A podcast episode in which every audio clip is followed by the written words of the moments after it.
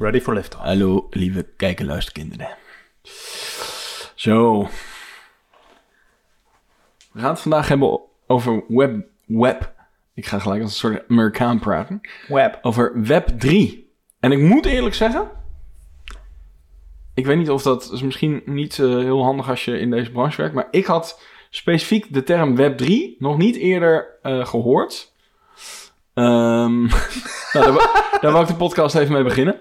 Eh, maar het, het, het, het, is, het is eigenlijk de verzamelnaam, net als dat je eh, vroeger eh, Web 2.0 had. Soms wordt Web 3 ook wel Web 3.0 genoemd, om het makkelijker te maken. Eh, maar het is eh, het gedecentrali- gedecentraliseerde internet. Moeilijk woord. Nou, eh, een van de. En correct me if I'm wrong. Want zoals ik al in de introductie vertelde, ik ben er niet, niet de absolute expert op. Maar eh, je hoort dingen als eh, NFT's, zijn hip en happening, de blockchain. natuurlijk superveel potentieel. en dat schijnt allemaal onder het Web3-verhaal te vallen. Ehm, maar ja, werkt dat wel als, als niet iedereen zich aan die regels houdt van nou, bijvoorbeeld de blockchain?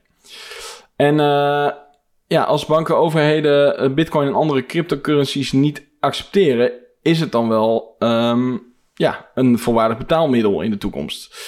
En krijgen we een nieuwe crisis als mensen, als het dan niet slaagt als betaalmiddel, als mensen allemaal de, als die waarde van die munten allemaal eh, instorten. Misschien is het wel heel slim om, eh, om, om morgen al in zo'n digitaal kunstwerk, een NFT, eh, eh, te investeren. Overigens geen beleggingsadvies eh, in deze podcast, dus dat is even de, de disclaimer. Ehm, maar ja, heb je dan wel echt eigendom van dat virtuele werk? Nou, we gaan het erover hebben. Ik weet niet of, we het, of, we het, of je het aan het einde van de podcast begrijpt, maar we gaan, we gaan ons best doen. Dus let's go. Welkom bij Pillow Talk, de podcast waarin we op zoek gaan naar de ultieme gebruikservaring in het digitale domein en daarbuiten.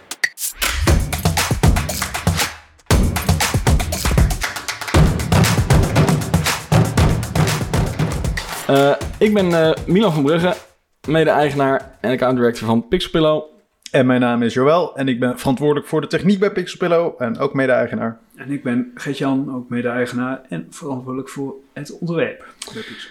Yes. En eh, deze week hebben wij een UX fuck-up.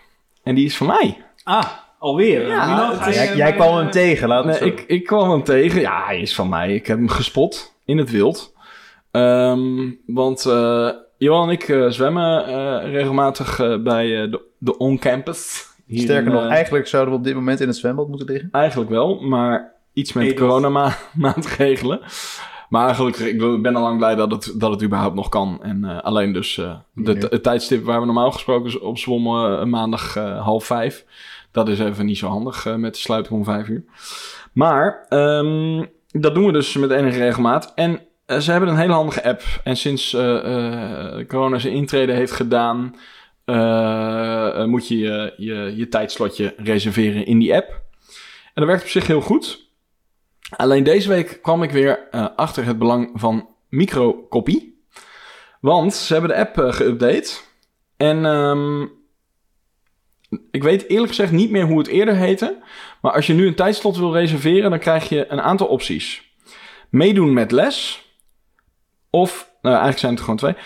Of plan workout. Gert-Jan, wat zou jij kiezen als je een tijdslot voor banen zwemmen in het zwembad? workout. Plan workout. Ah, Aha, dat is incorrect. Je moet meedoen met een les. maar dat is heel irritant, want ik weet nu dat het zo is. En dit is dus fascinerend. elke keer. Elke keer klik ik mis. Want ik denk, nee, dit Ja. is niet meedoen met een les. Ik ga geen les volgen. Maar jongens, waarom is dat zo? Dat is waarschijnlijk omdat het systeem niet faciliteert wat ze willen en dus hebben ze een soort eh, omweg. Ja, Maar dat zou prima zijn als ze die knopinhoud zouden kunnen veranderen. Als ze gewoon die tekst zouden kunnen reserveren een tijdslot. Maar, maar het is nog heel anders eigenlijk, hè? Want eigenlijk hebben Oh, ze nee. een feature in de app zitten Ja. die niemand wil gebruiken, maar die wel verplicht is. Eh, wat, enlighten me? Dat is toch die workout? Als je die workout zeg maar kiest, dan kom je in een soort badge-omgeving, toch? Dat je... Ja, dat, ik, Dat- ik klik altijd direct weer weg, omdat ik weet dat Nee, ik maar als ik ik ben dat wel benieuwd, wat doet die workout dan? Ja, je kan allemaal badges halen. Dat je elke keer als je een workout eh, doet, dat je dan bijhoudt, dat je dan Ah. 60... Maar dat ga je natuurlijk niet in een app doen die alleen maar voor jouw sport Nee. ding zit. Als je ook gewoon, weet ik veel, iets van Garmin Nou ja, kijk, of het mooie is, of Fitbit. Ik heb daar nog nooit verder naar gekeken, omdat ik dan dat overzicht, dat scherm zie en denk, ja, nee, ik moet hier niet zijn. Dit is niet waar ik moet zijn. Maar ik krijg altijd een melding dat ik een badge verdiend heb. Zo van, je hebt Ah. 50 keer gezongen of zo, of 100 keer. ja, dat zie ik ook wel voorbij komen. Maar, nou ja, wat jij net zegt, I don't, I don't care. Ja, Maar goed, dat is niet waarom ik het doe. Jullie krijgen geen les, toch? Ah, nou ja, ik krijg wel een beetje les soms. Wij geven de Jawel. rest les. Ja, ik geef lesles. Maar nee, ik... eh Jemig. Nee, wij, wij hebben geen les. Wij gaan gewoon eh, een, een tijd reserveren om, of- om iets eh, te doen. ja. Dus, eh, nou goed. Dus dat is, eh, ja, dat is niet. Daar Maar je dat- lesje van leren. Echt. Nou, dat was de fuck-up. Ik ga snel verder, want het gaat helemaal niet, eh, gaat helemaal niet goed. Ehm, als jij eh, ook zwemt... Nee, oké, dit is de kleine groep die ik nu aanspreek. Sport jij ook?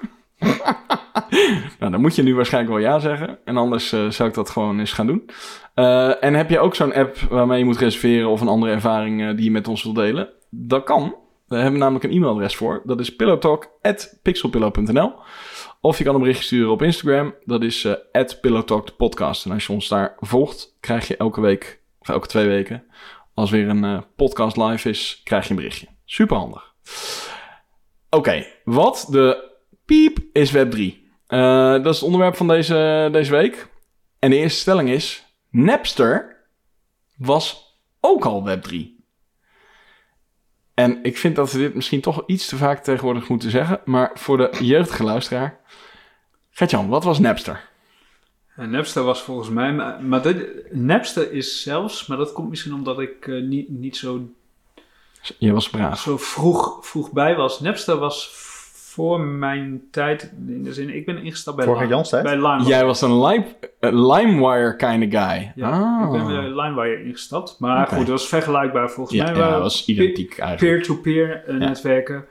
Waar je eh, gefragmenteerd, denk ik, eh, bestanden, die zwierven dan op de computers van een heleboel gebruikers. En die kon je dan Ja. gecentraliseerd daar. Een beetje wat torrents nu ook zijn, Ja, denk dat- ik. Ik weet niet of de technologie ook vergelijkbaar is, maar het deed hetzelfde. Er moesten in ieder geval een aantal mensen met dat bestand. Het was, Napster was een, een tooltje volkomen illegaal om muziek mee te downloaden. Want nu heeft iedereen Spotify. Maar vroeger, ja ja, was het gewoon zo dat als je gewoon eh, niet een cd kocht, ja, dan, dan had je die muziek niet.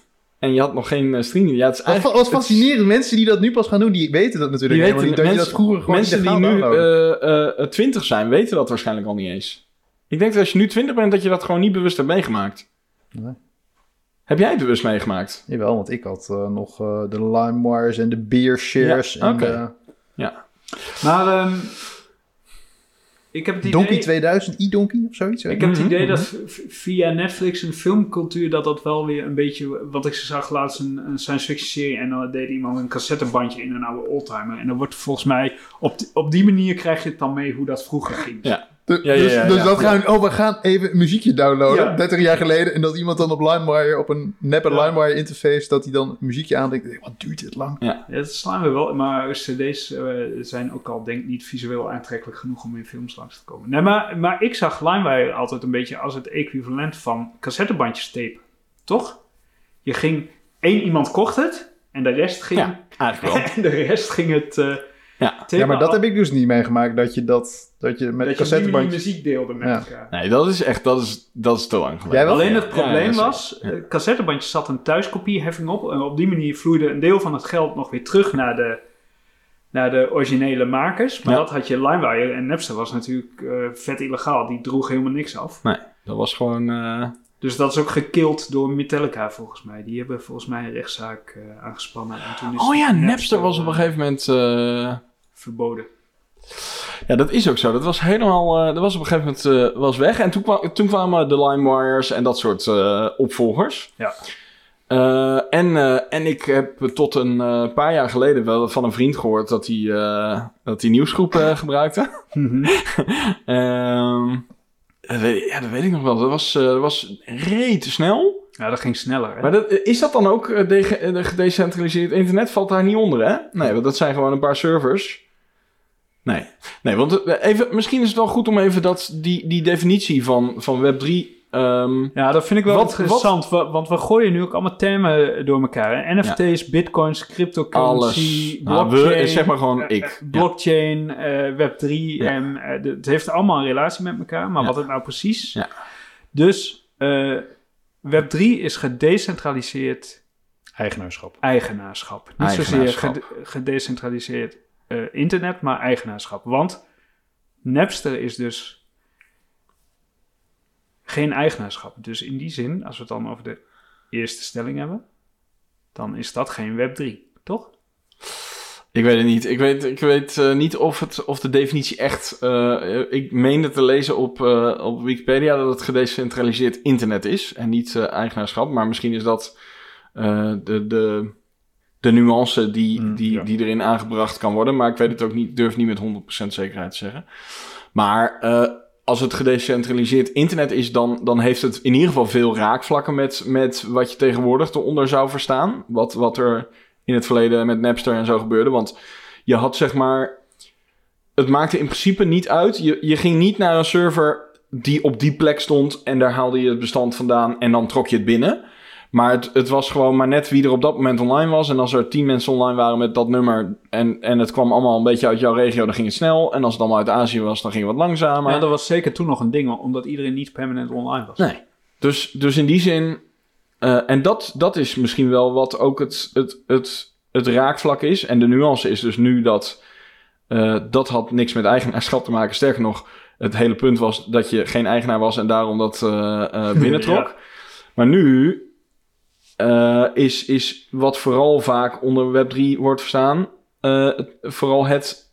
Nou ja, wat, wat, wat je vaak hoort met de blockchain. Hè? Dus inderdaad, het. ehm, het, het juist registreren op de blockchain. eh, het, ja, is dat registreren van eigenaarschap je wel?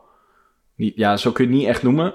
Maar het is Het, herleidbaarheid. Ja. ja, ja. Traceability, dat soort zaken zijn het vooral. En, en ik denk als je dan even teruggaat naar... Als je het dan hebt over decentraal internet... gaat het vooral over dingen die we nu bijvoorbeeld centraal doen. Dus denk, eh, denk ook aan eh, de WhatsApps, de Facebook Messengers. Het zijn allemaal platforms die door bedrijven, commerciële bedrijven, aangeboden worden. Ja. En dat is ook een heel groot onderdeel van Web3. Dat dat soort dingen, dat die ook weer teruggaan. Nu zijn die bedrijven die verdienen aan onze informatie die wij met ze delen. En dat vloeit niet per se terug naar de gebruiker. E-mail is heel mooi decentraal. Alleen we hebben niet een soort messagingdienst die decentraal is, bijvoorbeeld. Nee. Of net als advertentieinkomsten. Op het moment dat jij je data deelt met Google of Facebook, dan is het niet dat daar iets naar jou terugvloeit omdat jij die informatie teruggeeft. Althans, niet één op één. Nee. Jij hebt daardoor wel toegang tot, eh, Ja. tot, tot, tot dat platform. Ah, want je ruilt jouw nou, je persoonlijke data zodat je advertentie kan krijgen, zodat het bedrijf verdient en de kachel kan branden om dat platform te ontsluiten.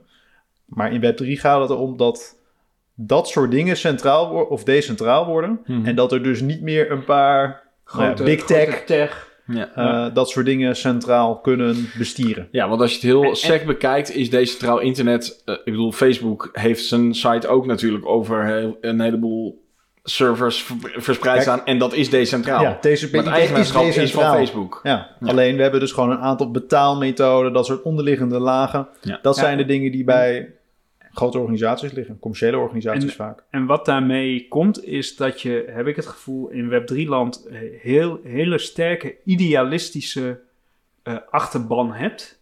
Om, om, het voelt heel, ehm, eh, ja, moet ik zeggen, socialistisch. Of de, de, de, de, de macht weg bij een paar grote bedrijven en, Hmm. en geven aan het volk. Zo, dat dat Ja. is een beetje... En, maar daarmee komt ook dat, dat, dat als het over Web3 gaat, beland je heel snel opeens in een eh, soort hele rare eh, discussies met, met, met bijna een soort evangelisten of volgelingen die dat, ja, die, die heel erg van overtuigd zijn dat dat de wereld ten goede gaat veranderen. Dus dat Ja. vind ik er nog wel fascinerend. Maar dat is dan... Ik vind, Gert-Jan, dat wil ik toch even zeggen... dat je een mooi bruggetje maakt naar de tweede stelling. Zijn we er al aan toe? Want jij zegt mensen die Ja. een probleem willen oplossen. En onze tweede stelling is... eh, Web3 lost geen probleem op. Eh, dus de vraag is een beetje... hoe, hoe zien we dat? Eh, we weten nu... Hè, we hebben net de definitie besproken. ik, ik ken. Dat vind ik altijd handig om een soort van concreet voorbeeld bij te hebben. Ik weet bijvoorbeeld dat een, eh, een jongen die ik ken, die is met, eh, met, een, met een start-up bezig die, eh, die net veel funding heeft gekregen, Wordproof. Dat is dan een beetje zo'n voorbeeld waar ik het dan een beetje aan kan relateren. En als ik het goed begrijp en goed zeg, heeft hij iets bedacht. Hij, komt een beetje vanuit de WordPress community, daar komt ook Ja. de term vandaan. En wat hij heeft bedacht is dat je eigenlijk plagiaat op eh, eh, content kan tegengaan. Dus jij publiceert Mhm. een, eh, een artikel op je WordPress-site. en dat wordt vastgelegd op de blockchain. En op het moment dat iemand anders nou, gewoon dat jat. ik weet niet hoe, hoe genuanceerd dat is qua variaties op die tekst of die content. Maar dat is dan gewoon, dat staat dan geregistreerd. En dat, ehm, eh, nou, daarmee wil die volgens mij oplossen dat, eh, dat content eh, nou, gewoon ge- gejat wordt. Ja, dat is toch wel een soort van. Het, de, ik snap wel dat er altijd een soort van. eh, een nobel streven achter zit of zo. Je, bent toch een soort van een single source, source of truth aan het zoeken. En dat is vaak om ervoor te zorgen dat iemand iets niet dupliceert van je. Toch? Dat is, dus in die zin snap ik wel dat er veel mensen die, ja, die niet willen dat je zeg maar iets zomaar eh, jat, dat die eh, hierop duiken. Want Ja. daar, daar, daar lijkt het wel een, een hele goede oplossing voor te zijn. Maar, ik weet niet of dat nu een goed voorbeeld is, maar jij gaf vanmorgen, toen we het hierover hadden, gaf jij een voorbeeld waarvan ik dacht, oh ja, dan lijkt het heel nobel. Oh, over, over die over copyright? Ja. Ja, dat, dat is het verhaal over de... Hoe heet die, die NFT's ook weer? Die, eh, die, eh, Ja, die pixel. ja, die Die pixel, die, ho- die, ho- die, ho- die hoofdjes, Die die, hoofdjes. gen- die genereren hoofdjes. Een beetje het, Avatar-achtig. eh. ja, wat, wat zeg maar een beetje het schoolvoorbeeld is van die NFT's. Dat is door Lara Labs heeft dat destijds uitgebracht. Dat is, nou, die gaan echt voor tienduizenden euro's of, of tonnen misschien wel, gaan die over, eh, over de toonbank, over de digitale OpenSea toonbank. en wat het idee altijd achter dat NFT-verhaal is, wat je veel langs hoort gaat over eigenaarschap. Ik bedoel, je kan dat, het plaatje kan je kopiëren, Ja. maar er eh, is op de blockchain maar één eigenaar van die NFT. Dat is natuurlijk een heel mooi concept. Alleen nu is recentelijk uitgekomen dat de copyright van, die van, van dat plaatje, dat die bij Lara Labs blijft liggen. Ook al, ja? Er zijn ook een aantal, aantal Maar- maar- aanbieders van NFT's die hebben dat het wel vrijgegeven. Maar, Dat vind ik interessant. Ja. Maar dat hebben ze dus eh, buiten de, de, de NFT-wereld, om in, in de echte juridische wereld, hebben ze dat op die manier geregeld? Nou, ik bedoel, ze hebben, het, ze hebben het in ieder geval niet zo gezegd dat ze dat, Dat mee- overdragen. Dat ze dat Ja. overdragen. Dus dan hou je het gewoon zelf. Ja, ja als je niks eh, zegt, ja. En, en Hm. dat soort dingen die brengen, Dus wat mij betreft, het gewoon heeft wel het hele concept gewoon in discrediet. Ja, Dat je, je gaat zeggen over, maar wat is dan het eigenaarschap? Bedoel je, Ja, maar dat is toch, dat is toch het hele eh, punt. eh, even een hele kleine, eh, heel klein zijspoor. Eh, eh, laatst die, eh, het nieuwe geld, eh, die podcast geluisterd over, over cryptocurrencies en, eh, en, en nou, ons hele monetaire systeem en zo. En, en daar, daar heeft die, die gast die dat maakt, heeft het er ook over dat, dat zo'n zo'n bitcoin bijvoorbeeld, wat natuurlijk vaak als voorbeeld wordt gebruikt, eh, dat heeft alleen maar, ehm, zei hij volgens mij, eh, kans van slagen als, als een overheid een deel van zijn reserve in die munt gaat, eh, gaat stoppen, zeg maar. Dus dat het, het, die werelden moeten uiteindelijk toch enigszins gaan vermengen om het eh, viable te maken, zeg maar. Om het, eh, dat, dat het daadwerkelijk ook door een overheid serieus genomen wordt, zeg maar. Dus, en dat geldt natuurlijk ook voor, voor ons rechtssysteem. Als jij zegt, ik ben eigenaar hiervan, dan, eh, en je bent het niet mee eens, dan kan het wel op de blockchain staan. Maar als er een rechter in Nederland zegt, ja, maar dat is jouw eigendom, dan is dat toch zo? Nou, maar dat, dat is ook het hele mooie wat je natuurlijk zag met die Mount Gox hacks en dat soort dingen. Het is allemaal decentraal, totdat het gejat of gehackt wordt. En dan gaan we verwachten dat de politie het opeens gaat Ja. fixen. Nee, bedoel, je bent gewoon geen eigenaar, want je hebt de keys niet. Nee. Ja, zo simpel is het dan, hè? ja, ja. Ja, en eh, misschien kun je dat bijvoorbeeld heel even kort toelichten, want dat was dat het Ja, dat was een- Binance... eh, Nee, dat is Mount Gox, dat is al, weet ik veel, denk ik, vier, vijf jaar geleden of zo. In, Jap- in Japan een hele grote eh, exchange voor crypto's en dollars. En er is Oh, gewoon ja. een deel van de, van de crypto's die zijn gewoon gejat door een hacker.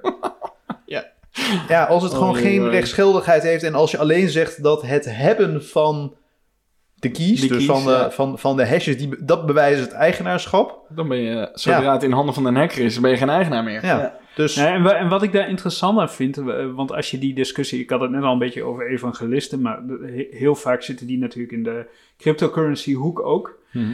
En wat je daar ziet is dat eh, eh, wat een technische ontwikkeling is, een soort ehm, politieke ontwikkeling wordt. Want heel, heel vaak zijn het ook eh, eh, liberalen die, Mhm. die eigenlijk een kleine overheid willen. Die eigenlijk vinden dat het, het mooie is dat je het zonder overheid kunt organiseren. Hè? Dat je, het is decentraal, het staat op de blockchain. Dus heb je geen overheid meer nodig om eh, te bepalen wat van wie is, et cetera. En wat ik daar zo raar aan vind, is dat je dan maar een, je pakt een heel klein stukje van wat de overheid doet. En de rest laat je weg. Dat de overheid ook bijvoorbeeld inderdaad een politiemacht heeft, eh, tegen criminaliteit optreedt, democratisch gekozen is. eh, dus door het volk ook Mhm. zelf. Dat soort dingen, die, die negeer je dan allemaal even. En je gaat het alleen maar hebben over eh, overheden zijn evil en het bankensysteem en fi- finance is evil. Dus we gaan ons eigen systeem, wat veel beter is, daarnaast zetten. Ja. Maar dan zie je dus bij zo'n hacker dat op het moment dat er, Moet je ook niet huilen. Nee. nee, dat er recht gesproken moet worden. Oh nee, we hadden geen rechtsstaat georganiseerd.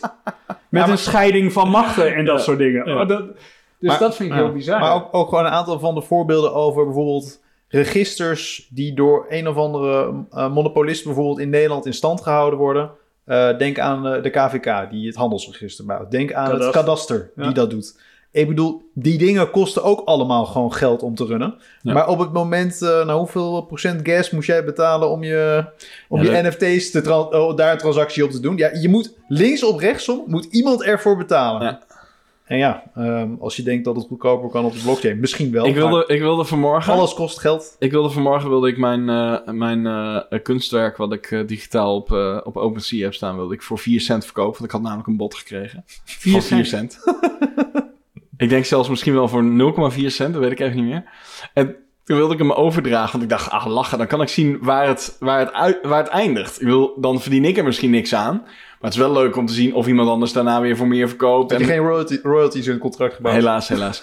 maar toen moest ik 120 dollar betalen om 0,4 cent incasseren. Ik dacht, nou, zo interessant vind ik, het, Ja. vind ik het nou ook weer niet. eh, Ja, maar ja, dat gas. cash, dat is ook zo iets Ja. interessant. Ga- ga- gewoon gas, hè. Ja. Dat, er zit om dat bitcoin-wereldje zit, zit een hele eh, eh, vocabulaire en, en dat GM, hè, dat ze dan elke ochtend eh, twitteren met GM in plaats van Koek. Maar dat, is- dat zie je dan opeens de tijdlijn. Ik wist van niks, hè. Nee, Overal ik ook niet. Ik denk, wat de fuck is hier nou weer aan de hand? Maar dan hebben ze weer een dingetje bedacht met z'n allen. Nee, maar dat is heel inclusief. Dat Ja. is heel inclusief, Ja. ja. Maar goed, maar, maar ja, de, de, over, die, over dat kadaster gesproken. ik vraag me dan ook serieus af. Als je, als je het hele economische systeem bij overheden weghaalt. Dan krijgen overheden geen belastinggeld meer. Dat, soort dingen denk ik dan. Dan krijgen ze geen belastinggeld meer binnen. En wie gaat dan onze. Er wordt aan de andere kant je zorg duurder. Wie Dan- gaat dan Ja. onze straten onderhouden? en zo. Dat Ik denk van. Ik, Ja. Het klinkt gewoon niet heel erg als een, eh, als een verbetering. Ja, maar Gert-Jan, als jij als, als, als weinig gebruiker van, eh, van heel veel overheidsdiensten, dan zou je eigenlijk goed wegkomen. Ja, dat, ja, mi- ja, misschien wel. En ik denk ook dat in landen waar de overheid eh, compleet corrupt en collapsed is, En zoals daarom- Venezuela, Ja, da- en da- daar is het misschien een oplossing. Ja, maar weet je, weet je wat het nu al is? Ik, ik, in die podcast had, eh, had hij het erover dat, eh, dat, dat wij, eh, wij hebben het hier nou over als, eh, nou ja, laten we maar even zeggen, white privileged jongens. Eh, maar er zijn gewoon mensen die aan de andere kant van de wereld werken om hun familie aan de andere kant van de wereld, gewoon hop en weer terug, eh, eh, te onderhouden. En daar normaal gesproken naar een loketje moeten gaan in het land waar ze op dat moment zitten. En gewoon weet ik veel, 15 of 20 procent van dat geld moeten inleveren. om het kunnen, überhaupt bij hun familie te kunnen krijgen. En daarvoor is Bitcoin gewoon een oplossing. Want dat is gewoon veel goedkoper om dat aan de andere kant van de wereld te krijgen. Dus, dus er zijn wel degelijk eh, toepassingen ja, die, die het verklaren dat het al dat het al iets is, zeg maar. Kijk, voor Nederlanders is het volgens mij over het algemeen Ja, nee, maar- een leuke investering. Nee maar, nee, maar het punt is inderdaad dat... Toch, Rick? Ja. dat nee, maar dat wordt heel vaak gebruikt als argument. Ja. Terwijl ik vind dat een heel slecht argument. Want dus omdat al die landen corrupt en tering zo zijn... daarom is blockchain opeens eh, heel geschikt om... Nee, dat verklaart het bestaansrecht. Ja, oké. maar- Toch? Dus Maar- dan, ja. ja. als iets bestaansrecht heeft... Ja, ik denk dat het bestaansrecht nu nog vooral eh, verklaard wordt... doordat er mee gespeculeerd wordt door heel veel mensen, toch? Nou, dat weet ik niet. Ik, ik heb niet Dat weet de ik cijfers paraat hoeveel, hoeveel procent van dat verkeer, zeg maar, het deel uitmaakt van het daadwerkelijke eh, bitcoin eh, verkeer. Maar wat wil je zeggen, jongen? Nou, dat daar al hele grote lokale verschillen zeg maar zijn. Ga maar eens na in Nederland hoe goed het betalingsverkeer geregeld is. In Ja, Amerika lopen ze nog gewoon met checks, hè? Ja. Nee, maar dat is inderdaad dat Web3 lost, Ja. lo- lost geen probleem op. De, wat ik ook In Nederland niet, van, van tegenstanders die zeggen: ja, maar joh, in de, de, bankenwereld heeft al, al tien keer handigere en efficiëntere manieren eh, bedacht om eh, geld te decentraliseren dan blockchain. Dus wat lost het op? Maar lost het het probleem niet op in Nederland of lost het het probleem gewoon helemaal niet op? Ja, ik, weet- ik weet het niet. Ik- ja, ik, ik denk als. Ik denk dat Bitcoin in Venezuela nu vooral ook gebruikt wordt omdat de inflatie eh, daar zo gierend hoog is. Ja. Dat gewoon normaal geld eh, heel snel waarde verliest. Maar dan lost het toch een probleem op? Ja, we- we- ja, maar dat is wel puur toeval voor mijn gevoel. Ja, oké, maar dat is, de- dat is niet de stelling. Nee, oké. ik bedoel, Nee, maar, ja, maar als ook, het iets oplost, ja. maar ook de, in Maar dat had bredere het zin... goud kunnen zijn. Ja, nee, maar in bredere zin denk ik ook nog steeds dat eh, digitaal eigenaarschap, eh, maar ook dingen over eh, data exchange of in ieder geval platforms die bijvoorbeeld onze instant messaging zeg maar moeten gaan decentraliseren. Nou, prima hoor. Lijkt Ja, me wel, lijkt- lijkt me lijkt me wel goed. En, ja, en eh, NFT's, ik, ik had, als je het dan over eigenaarschap hebt. de- de, kijk, Je- Jet is illustrator en ik heb wel over na zitten denken. Wat ik vooral interessant vond aan NFT's is dat elke keer dat je werk wordt doorverkocht, krijgt de originele maker een percentage. Of dat kun je inbouwen of afspreken. Mhm. En dat vind ik heel interessant. maar dat kan je nu toch ook al? Nou, dat is, nee, dat is heel moeilijk. Als jij, Jij kan toch niet als jij traceren... iets verkoopt aan iemand... Nee, je weet niet dat diegene transactie heeft verkoopt plaatsgevonden. Als je hebt verkoopt het een- door, dan moet je als dat je net iets verkoopt weten. en dat belandt in Amerika dan, en het wordt daar 20.000 keer verkocht. Geen idee. En nu gaat dat automatisch, want dat is Ja, je kan gewoon... het zien. Je kunt het zien. En ik heb een podcast geluisterd met Rick Oosterbroek. Dat is zo'n NFT-artiest uit Nederland. Die was Mhm. er heel vroeg bij. En die, Mhm. en die vangt iets van 20 tot 40.000 euro per verkocht werk. Oh, Dus die is echt eh, dik aan het binnenlopen.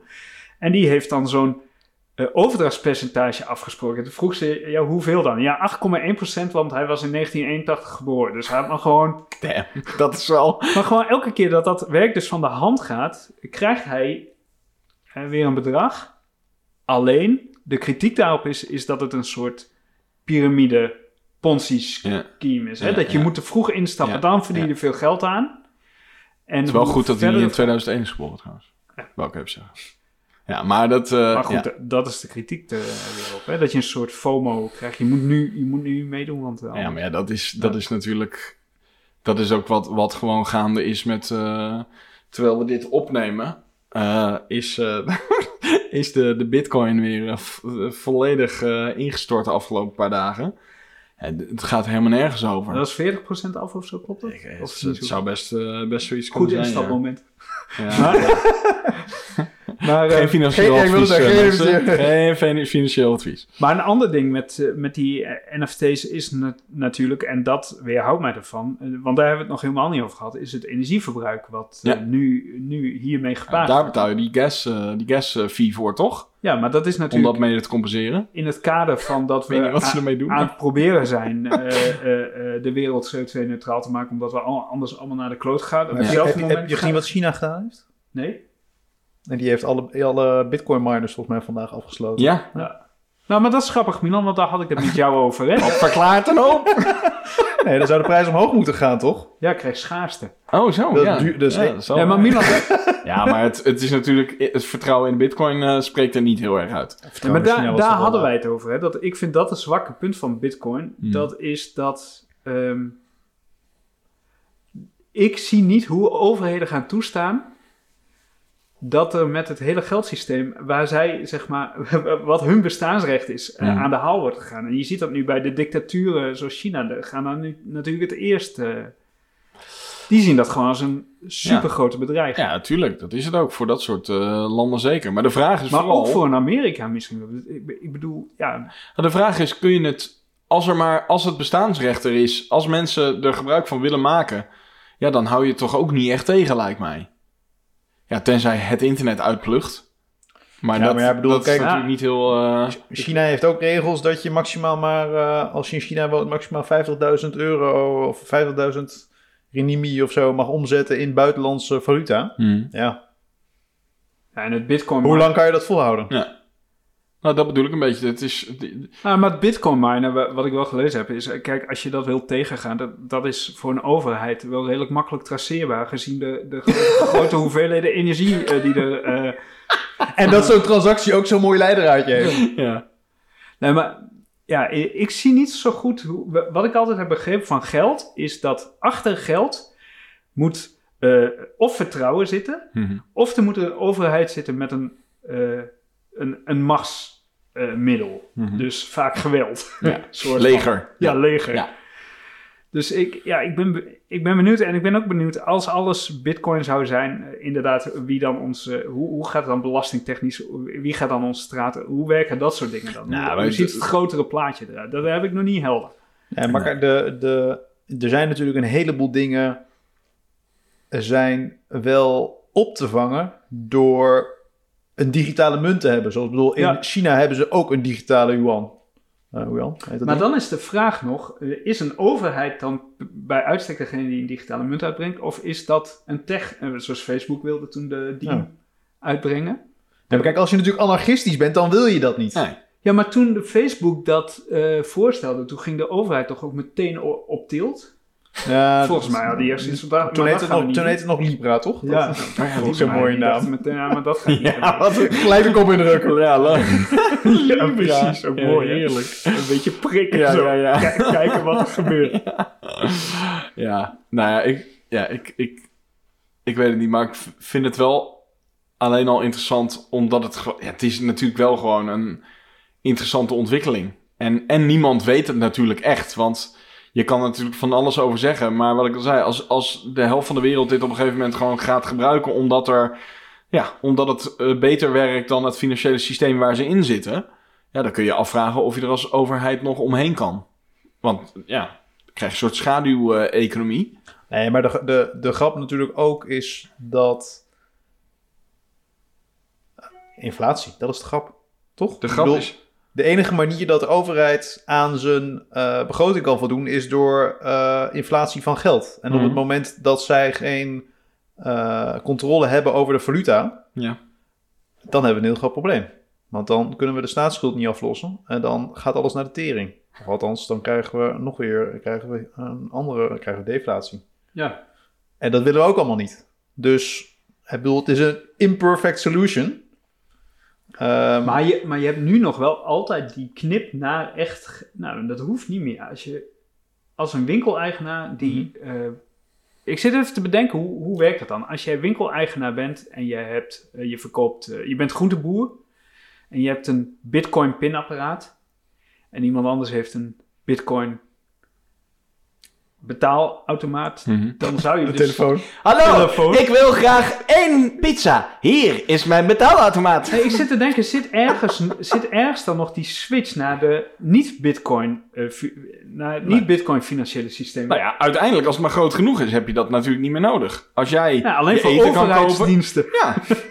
ja, maar als jij... eh, Dan kan je naar de stablecoin. ja, het is natuurlijk gewoon totaal idioot om na te gaan. Want als jij natuurlijk ook... Je komt op een gegeven moment ook op het punt... Stel dat je alles in... eh, eh, in, in bitcoin kan betalen, eh, lokaal, zeg maar, bij lokale supermarkt of wat dan ook. Mhm. Dat, ja, alles gaat kapot, want je, dan, dan is Maar je inkomen niet meer te, te registreren. Maar de hele keten moet dan... Maar daarom is het volgens mij.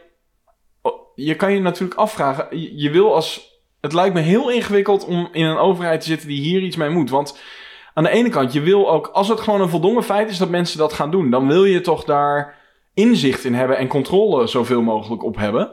Want je wil weten. als je bijvoorbeeld belasting wil, eh, wil, wil heffen, wil je weten wat iemand verdient, toch? Ja, maar kijk, ik, daarom vind dat ik... dan gewoon op? Nee, maar daarom vind ik het zo grappig.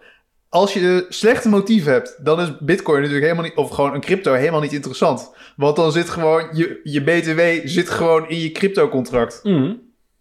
Lekker makkelijk, hoef ook geen belastingaangifte meer te doen. Hm. Ik ben voorstander. Ja, jij bent voorstander. Ja, mits de overheid eh, dat kan sturen. Ja, nee, maar, maar anders zal het nog steeds traceable zijn, toch? Ja, maar nu is het toch zo dat die hele dark web eh, eh, in, in bitcoins plaatsvindt, toch? Hmm. Dat zou dan een heel slecht idee zijn. Ja, nee, maar dat, dat klopt. Alleen, het moet er ergens uit. Nog steeds. Toch? Maar hoe werkt dat nu dan? Als Ja, jij, Tenzij dus alles... als op jij op de dark web, eh, weet ik veel, eh, eh, cocaïne koopt met bitcoin... Is dan traceable dat jij dat hebt gedaan? Want dat lijkt me dan echt heel Asking for a friend? Ja, nee, ik heb echt geen idee, joh. Oh, ik weet niet hoe dat werkt. Nee, Maar ik dat ook is niet. toch... Ja, je dat- kan de transacties tussen wallets kan je zien. Ja, maar Dus je, je weet kan- niet van wie de wallet is. Maar dat Nee. zou dan wel redelijk makkelijk te traceren moeten kunnen zijn. Er moet de, ik bedoel, daarom moet je bij eh, je Coinbase en dat soort dingen... ben je verplicht om je ID-kaart en zo Ja. te uploaden. Ja, maar het Kijk- wordt, het wordt een punt als je het inderdaad terug wil brengen naar de, de echte economie, zeg maar. De, de, de huidige eh, economie. Als jij eh, je bitcoin gaat inruilen voor een euro... Nou, dan, dan heb je sowieso een hele slechte deal. Als je één bitcoin voor een euro moet maken. Maar eh, voor, zeg, Bij Milan, bij Milan kan het. zeg voor, ja, bij mij kan het. Hoeveel Als je wil, kost dat? stuur een mailtje. Maar eh, eh, zeg voor 40.000 euro, dan... eh, eh, ja, dan, dan da- op dat moment wordt het traceerbaar natuurlijk. Want dan zien mensen, oh, die bankrekening is eh Ja, maar dat doet mij denken aan contant geld. Witwassen Ja. is toch precies Ja, maar- maar- hetzelfde probleem. Waarom wordt er wit gewassen? Omdat ze moeten een manier hebben om al dat, die dirty money naar de, ja. de legal wereld. Maar daarom wordt het toch ook... Ja, dus ik weet niet, ik weet niet hoe, hoe je dat doet. Want, eh, Maar- kijk, je, je, gaat, je kan het gewoon de hele tijd doorschuiven. hè, Want op een gegeven moment dan krijg je natuurlijk de autofabrikant. ik noem maar, je wil een Ferrari kopen. Ja, Ja, en die heeft dan, eh, weet ik veel, eh 10 bitcoins liggen voor die hele dikke Ferrari. En die zit dan met het probleem. Ja. Maar ik vraag me wel af wat jij net Eh. zei, eh, Joël. Van ja, dan krijg je eh, de inflatie, dan stort ons hele systeem. Het, het, het kan toch niet dat overheden dit maar gewoon gaan laten... Ze moeten wel iets daarmee doen, toch? ja, dus ze moeten het of omarmen en... Nou, China gaat dus gewoon de stekker proberen Ja. eruit te trekken. ja, dus Maar no- in een dictatuur, nee, Ja. in een dictatuur is dat makkelijk. En Hier wordt het toch iets, eh, iets ingewikkelder, lijkt mij. Maar goed, ik, misschien moeten we ook... eh, Maar ik vind het wel eh, interessant. Ja. En, eh, ik- Vinden we nou dat het een probleem oplost of niet? Nou ja, dat, wat Joël zei, dat decentraliseren van bepaalde diensten die nu in handen zijn van een aantal techclubs, dat zou een prima oplossing voor een bestaand Ja, probleem het eh, zijn. decentraliseren van, van eigenaarschap, als, als dat zeg maar de insteek is, dan is dat een mooi streven, zou je kunnen Een zeggen. nobel streven. Een nobel streven. En of het een probleem echt oplost, dat moet, zal de toekomst dan uitwijzen. Maar Nou, wat meer aandacht voor de kunstenaar is ook wel goed. precies. Ja. Oké. Nou, dan als laatste. Nogmaals, geen beleggingsadvies mensen. Doe het niet. Nou nee, dat is dan ook eigenlijk weer een advies. Maar wel veilig advies. Ehm, is het... Ik bedoel, hebben jullie wel eens nagedacht... Hebben jullie wel eens gedacht... Oh, misschien moet ik ook zo'n NFT kopen. Nee. Nee. Nee, ik ook niet. ik heb wel gedacht... Laat ik proberen er een te maken. en er Nee, iets aan te verdienen. Nee, Dat maar eerlijk, wel. maar ik koop ook geen kunst. Dus in die zin, Oké, maar ik, ik, ik denk dat het interessanter zou zijn, zouden mensen die kunst kopen overwegen om ook NFT's te kopen? Ik denk eh, een heel aantal wel. Dat zal toch... ik- het- die, die, die duizenden euro's die mensen dan uitgeven... Ja, maar er zijn natuurlijk wel twee slagen mensen die kunst kopen. ja. In ieder, in ieder geval twee. Ja, er zijn de, de, de, de, de die kunst mooi vinden. De speculanten en de liefhebbers, ja. Ja, je, nou ja, de de speculant. handelaars. Nou, je hebt toch ook nog status- statusmensen. Ook nog, ja. Kijk, dat jij kan zeggen dat Tenminste, je... ja, Maar dus- daarvoor kan een NFT interessant zijn, toch? Ja. Want dan kan je die op Twitter flashen. Ja. Flexen. flexen of flesje. En ze vroeg Ik aan die. Rick Oosterbroek, worden ze ook wel eens uitgeprint en opgehangen? Ja, dat gebeurt ook wel, dat mensen dan inlei uitprinten en inlijsten. Want je wil toch dat, ook- dat hij door dan zo'n Banksy-lijst zo... zo dat, Ja, je wil in je, huis, in je huis dan toch Ik zat er ook over na te denken. Ja, wat heb je, wat heb je nou? op je Samsung Frame TV. Ja, maar... Nee, maar je hebt toch die right-click movement? Dat is dan Dat de, weet ik an- niet. Ja, de anti-NFT movement. Die zeggen dan ja, ja, ja, opslaan als. dat is zeg maar de, Dat vind ik dan weer heel grappig, ja. Maar weet je wat ik ook wel grappig vind? Is dat je dan in principe kan je... Je kan toch gewoon precies dezelfde NFT En dan één opnieuw pixel minten? veranderen. Ja. En, die weer op de markt brengen. Ja. Ik, weet- ik weet Dat dus dat de kunst is. Dat je altijd rechts onderin één witte pixel toevoegt. En dat dat dan... Ja, dat is misschien niet heel chic. Maar goed, de, de, de stelling is: investeren in NFT's is een goed idee. Eh, kijk, als je het ziet als een Ponzi-scheme, wat, wat mijn gevoel wel echt een ja, beetje is, ja, ja, ja, ja. dan is investeren een goed idee. Als je heel vroeg bent. Dat was twee jaar geleden investeren een prima idee. ja. Maar Ja. nu? Nee, ik, eh, maar geen, geen beleggingsadvies, hè, mensen. Geen beleggingsadvies.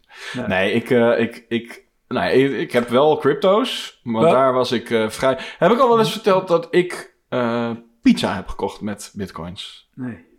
Hoeveel pizza? Eh, volgens mij heb ik wel eens eh, twee bitcoin betaald voor, voor bij thuisbezorgd bij een pizza. Wat zou die pizza. nu achteraf gezien- 80.000 euro als je hem nu zou... ja, was een lekkere pizza, maar zo lekker was hij ook weer niet. Maar, ja, dat heb ik vast wel eens verteld. Maar de, nee, dus, dus dat...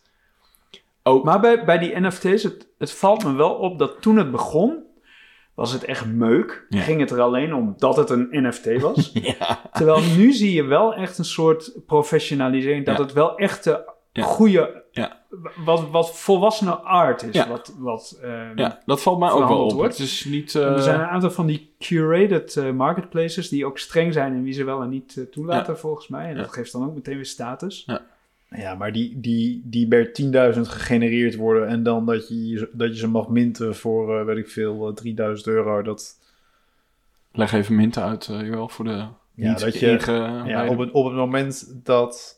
Je kan bijvoorbeeld zeggen dat op het moment dat je een NFT hebt, dat je een bepaalde serie gaat uitbrengen en dan kan je gaan betalen om een nieuwe uitgifte Mhm. van zo'n NFT. En vaak, of bij een aantal van die NFT's zie je dus dat je een aantal onderdelen hebben die terugkomen en dan het minten is dan eigenlijk een random gegenereerde Is- compositie van is- al die verschillende elementen. Is dat ook die monkey of is dat niet automatisch gegeven? Ja, vol- volgens mij die Monkey, maar ook dat, nou, dat, die, Die die Afrika. 8-bit of 24-bit, ik weet niet hoe dat ding heet. Ik bedoel, dat zijn dan 30 kapsels en 20 hoofdjes en wel of geen joint in de mond. En dan, eh, dat soort. Echt, het, is wel, het zijn wel luie mensen, die kunstenaars, die dat uitbrengen. Maar wel slimme luie kunstenaars. Nou, kijk, ik, laat ik zeggen, ik hoop dat het kunstenaars zijn in plaats van dat het gewoon iemand zo'n commerciële... Ja, nou ja. Die dit... Ik denk dat... Nou, die, de- Sommige om- nog een keer op die Rick. Oosterbroek eh, terug te komen, die was al wel echt tien jaar bezig met digital art. Ja, dus dat, kijk, dat heeft wel echt een. Eh, Exponential growth. ja, nou ja, maar die, die, die, die, hij zei ook van ja, ik doe dit al heel lang en ik had altijd verwacht dat ik gewoon zo'n arme kunstenaar. En nu opeens viel alles op zijn plek. Dus hij heeft ook gewoon natuurlijk geluk gehad dat dit nu. Ja. Ja. En dat gun ik hem dan wel. Ja. Van, nou, Ja. good for you. Ja, dan gun je Toch? zo iemand meer dan, eh, dan iemand die nu eh, iets, eh, een generator maakt die dan zoveel Ja. kunstwerken uitspuugt en dan eh, daar tonnen mee binnenharkt. Dat zeker. Oké, nou, eh, laten, we er, laten we er vooral geen, eh, aangezien we geen beleggingsadvies willen geven, de stelling niet Nee, beantwoorden. we hebben daar geen. Ik denk dat mensen het wel begrijpen. Oké, eh, heb jij nou eh, gisteren ook een NFT eh, voor 20k gekocht? Dan eh, ben ik wel benieuwd. dan of ben ik wel benieuwd. Ja, zijn we wel benieuwd naar. Dus laat het ons even weten. Nee, maar serieus, als je, ik ben wel benieuwd. Als er mensen... Ik vraag me af of er, of er mensen zijn die daadwerkelijk dan een NFT hebben gekocht. Dus nou, laat het even weten. Ehm, stuur een mailtje, pillowtalk.pixelpillow.nl en volg ons op Instagram, op gram, at pillowtalkpodcast. Eh, bedankt voor het luisteren en eh, jullie ook bedankt jongens. En tot Yes. de volgende. Tot de volgende. Altijd. Hoi.